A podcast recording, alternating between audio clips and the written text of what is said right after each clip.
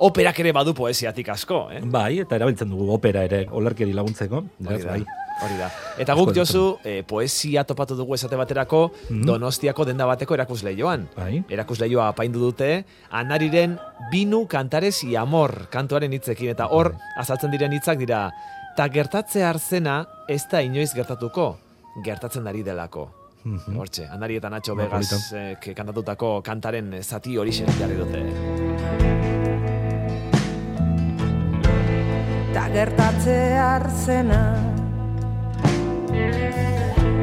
Ez da inoiz gertatuko gertatzen ari delako. Eta bada garaia Erreka oso bat edatzeko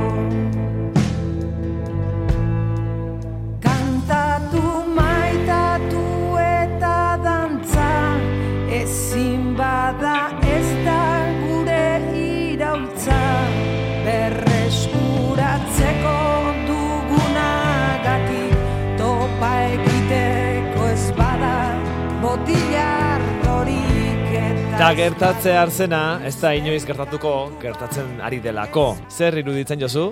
Bueno, ba, bizitzeko aldarri bat, ezta? Unea aprobetsatzeko eta bizitza gortu ala, eta geldi bagaude, ba, ies egingo digula, eta aprobetsatzeko izango da. Eta bizikleta gainen bada, ba, beto. Lagunduko du bizikletak saltzen, esaldi horrek. Ba, ez dakit, ez dakit, agian poesia zaleak eh, animatuko dira, ez dakit.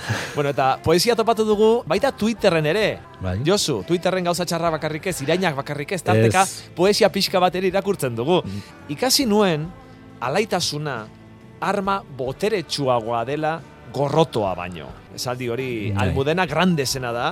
Bere senarrak horrela gogoratu nahi izan du Twitterren, bere esaldi hori lauaizetara zabalduz. Eh? Ikasi nuen, alaitasuna arma boteretsuagoa dela gorrotoa baino. Bai, asko aipatzen da Twitterren, ba, gorrotoa han eta hemen ikusten dela, eta irainak eta bestelakoak, baina badago jente on asko ere Twitterren bere mezuetan, bueno, alako alaitasuna batzutan, baina eh, optimismoa, baikortasun ere bai askotan.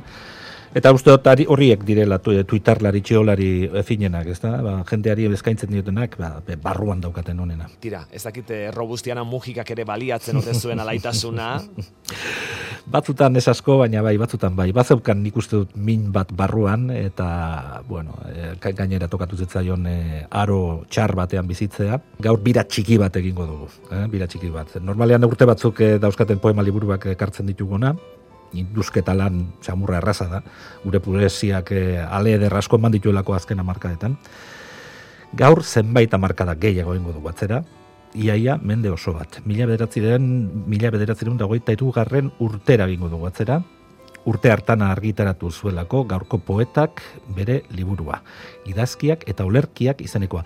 Um, Horixe, Lizardi eta Lauaxetak baino lehenago idatzi zuen Robustiana Mujikak edo Tene Mujikak liburu hau. Tene Mujika debako kale nagusian jaio zen, mila zortzireun da laro eta zortzigarren urtean, eta emakume seinalatua izan zen, onerako eta gerra ostean txarrerako. Mm? Dendaria zen lanbidez, ekintzaile politikoa ere bai, e, bueno, gora bera batzuren ostean, Gipuzkoako emakume abertzale batzako burua izan zen, emakume abertzale eta elizkoi sutsua izan zen, e, Sabino Aranaren itzala goiti bera estalitakoa. Bueno, haren idazkiak eh, gaurko begietatik eh, atzerakoiak iruditu elzaizkigu gorka. Mhm. Haren idazkera, orduko joera garbizalenak nekagarri samarraren hildokoa, zaharkitua iruditu alzaigu. Baina benetan uste dut gaur egungo Euskaldunak alegin batekin bar genukela orduko ekintzaile eta idazleen testu ingurua eta aurrekariak ulertzen. Eta haiek izan zirelako gara guk gaur. Hori da. Ez dela komeni alegia iragana gaur egungo betaurrekoekin begiratzea, ezta? Hori da, hori da, oso garrantzitsua hori. Eta ala- alan e, begirada horrekin lortuko du estimatzea gure iragana, gure iraganeko egileak eta sortzaileak. Bueno, baina lasai egorka, tenemujikak badauzkalako olerki politaskoak, e, nire ustez gure belarriak e, goza ditzaketenak. Eta ondo badiritzazu, ba, bakan batzuk irakurriko ditut. Oso ondo deritzot. Otoitz batekin hasiko gara. Eh? Zati bat da, eh? poema luzeagoa da, baina zati bat irakurriko duen. E, debak, deba herriak asko zorrio turismoari, kanpoko eta barruko turismoari, baina herria arrantzalea ere izan da. Tene mugikak eh, badu olerki bat non batzen diren tradizio arrantzalea eta itziarko ama.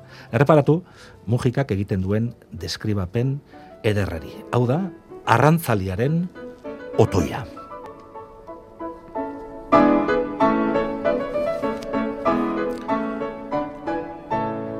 Egun berriak itxaz zabala, margo berriz azaltzean, tandutz mendia oni begira, eguzkiz janzten danean, ta zueiztitik txoria besak, beren lotatik itxartu, baita hartzai mutil itzi hartarrak hartaldea mendiratu, debaren aurrez, itxas barean, txalupa dager geldirik, nola umetxoa bere amaren, magalean lo harturik. Begira ditu, arno ta handutz, baita inguruko muñatzak, zelai lilitxu sagasti eder solo basetxeta landak.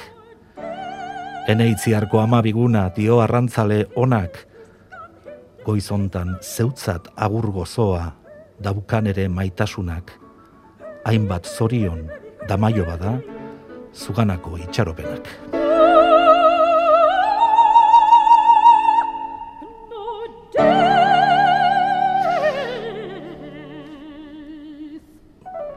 Poeta, gorka, Bai. ez zer bada begiralea da. Beti dago kuskusean, be- begiratzen, erreparatzen gauzei, pertsonei.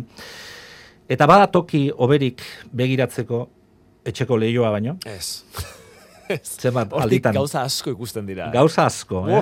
Politeak eta ezen politeak. Kalekoak, bizilagunenak, e, Bai. Kulturalak, Bai, bai, festa bai. girokoak batzuk behar bada, istiluak ere bai, denetik ikusten Denetik ikusten da. Bai, bai, bai. Eta, bueno, gauza poetikoak ere bai, eh, estampa poetikoak. Olarki labor honetan tenen mugika leiotik begira dago, zeruari, hortziari begira jartzen da. E, olerkia hobeto ulertzeko, e, badira bi hitz e, komeni denago argitzea. Oldozkun, oldozkun eta geltsu dira hitz horiek. Oldozkun, horrek zer esan nahi du, Oldozkuna da pentsamendua. Eta gauza geltsua da gauza misteriotsua.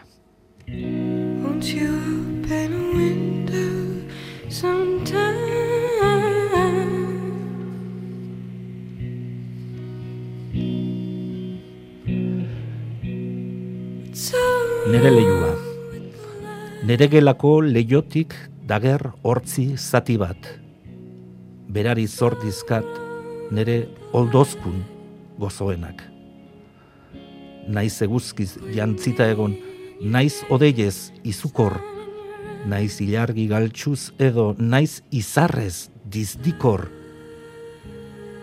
Mintzo gozoz postutzen du nere gogo gaixua eta bere mintzo eske zabaltzen dut leiua.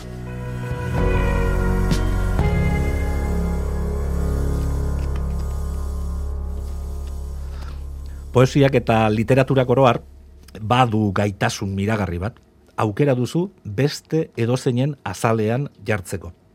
Harien begietatik ikusi eta haren bihotzetik sentitzeko. Bueno, tene mugika bere desioa eskutatu behar duen ikazkin, ikazkin lotxati baten tokian jartzen da, olerki eder honetan. Hau da, ikazkin liluratu eta hemen aurrez jakin beharreko hitzak dira, izk- ikazkinaren txondorra, edo ikatzmeta, suila edo ur ontzia, eta gentza, gentza edo bakea. Ikazkin liluratua.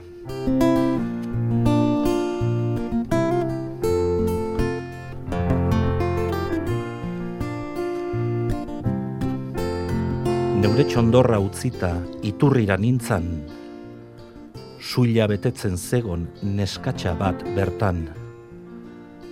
Arkeman zidan ura aizer gozoa zan, geroztik hain gozorik, ez dut berriz edan. Ikazkina naizenez, ta ikazkintzan beti, hain mederrik inoiz enuan ikusi. Horrela bere itxurak eder zoragarri, gentza lapurtu zion nere bihotzari. Lagundu nion suila burura jasotzen, baina ezin ausartu etxera laguntzen, nahiagatik lagundu, ez dakit zer nuen. inola asmatu ezin, baimenik eskatzen. Eta amaitzeko, Bai. nire ustez, eh, imitazio batena. Imitazio bat? bai, imitazio edo- eder bat, edo bai, eh, nik uste dut, eh, ez dakit, hau neure irudipena da, eh? Espainiako literaturako mistiko handia jena, ez da, eh, Santa Teresa eta San eh, Juan de la Cruz, eta harien, eh, zera, ez da, poesia mistikoaren eh, Imitazioa. imitazio edo- bat. Imitazioa dela esateatik nahi izaten ari gezurrezkoa denik, kontrara. Eh? Uste dut jainkoari eskainitako olerki honetan badela egia handirik. Eta ni fede gabeko honek horixe dio. Eh? Ba oso, oso, oso poe- poesia polita dela uste dut. Hau da, gogo negarra.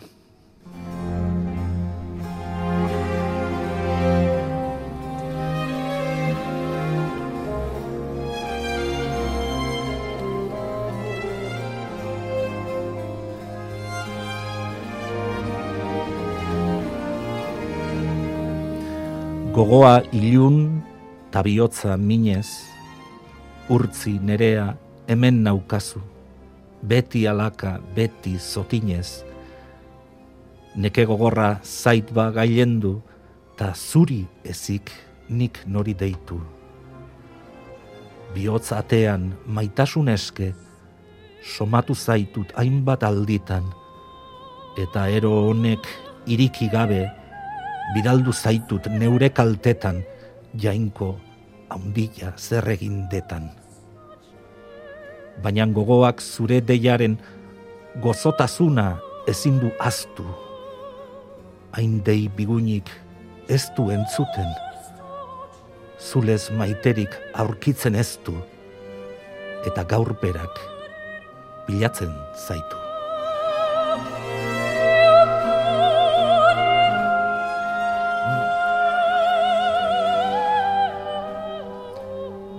Maitasun kontuak berriz ere hemen, eh, Josu zure tarte Bai. honetan. Askotan Maitasuna agertzen da. aldaera guztietan. Aldaera guztietan. Batzuetan dramatikoa ere izan daitekeelako maitasuna, tragikoa ere, bai, ezta? Bai, bai, gozoa ere bai, eta hemen, kasu honetan, fedezkoa ere bai, ez da, Hori da. jainkoarik, eh, jainkoarekiko maitasun eh, sutsu hori. Bueno, ba, izan da, tene mujikaren omenaldi txiki bat, laster, eh, bueno, eun urte beteko dira, liburu hau zenetik, eta, bueno, eh, nahi izan dute, ba, ba berreskiratu, eta haren poema polita eh, irakurri. Aipatu duzun bezala, beste garai bateko betaurrekoekin irakurri eta entzun beharreko Beti. poemak, eh? Beste, bere garaikoak, ezta? Eta ez gaur egungo betaurrekoetatik. Josu Goikoetxea, eskerrik asko. Ezkerrik asko gorka.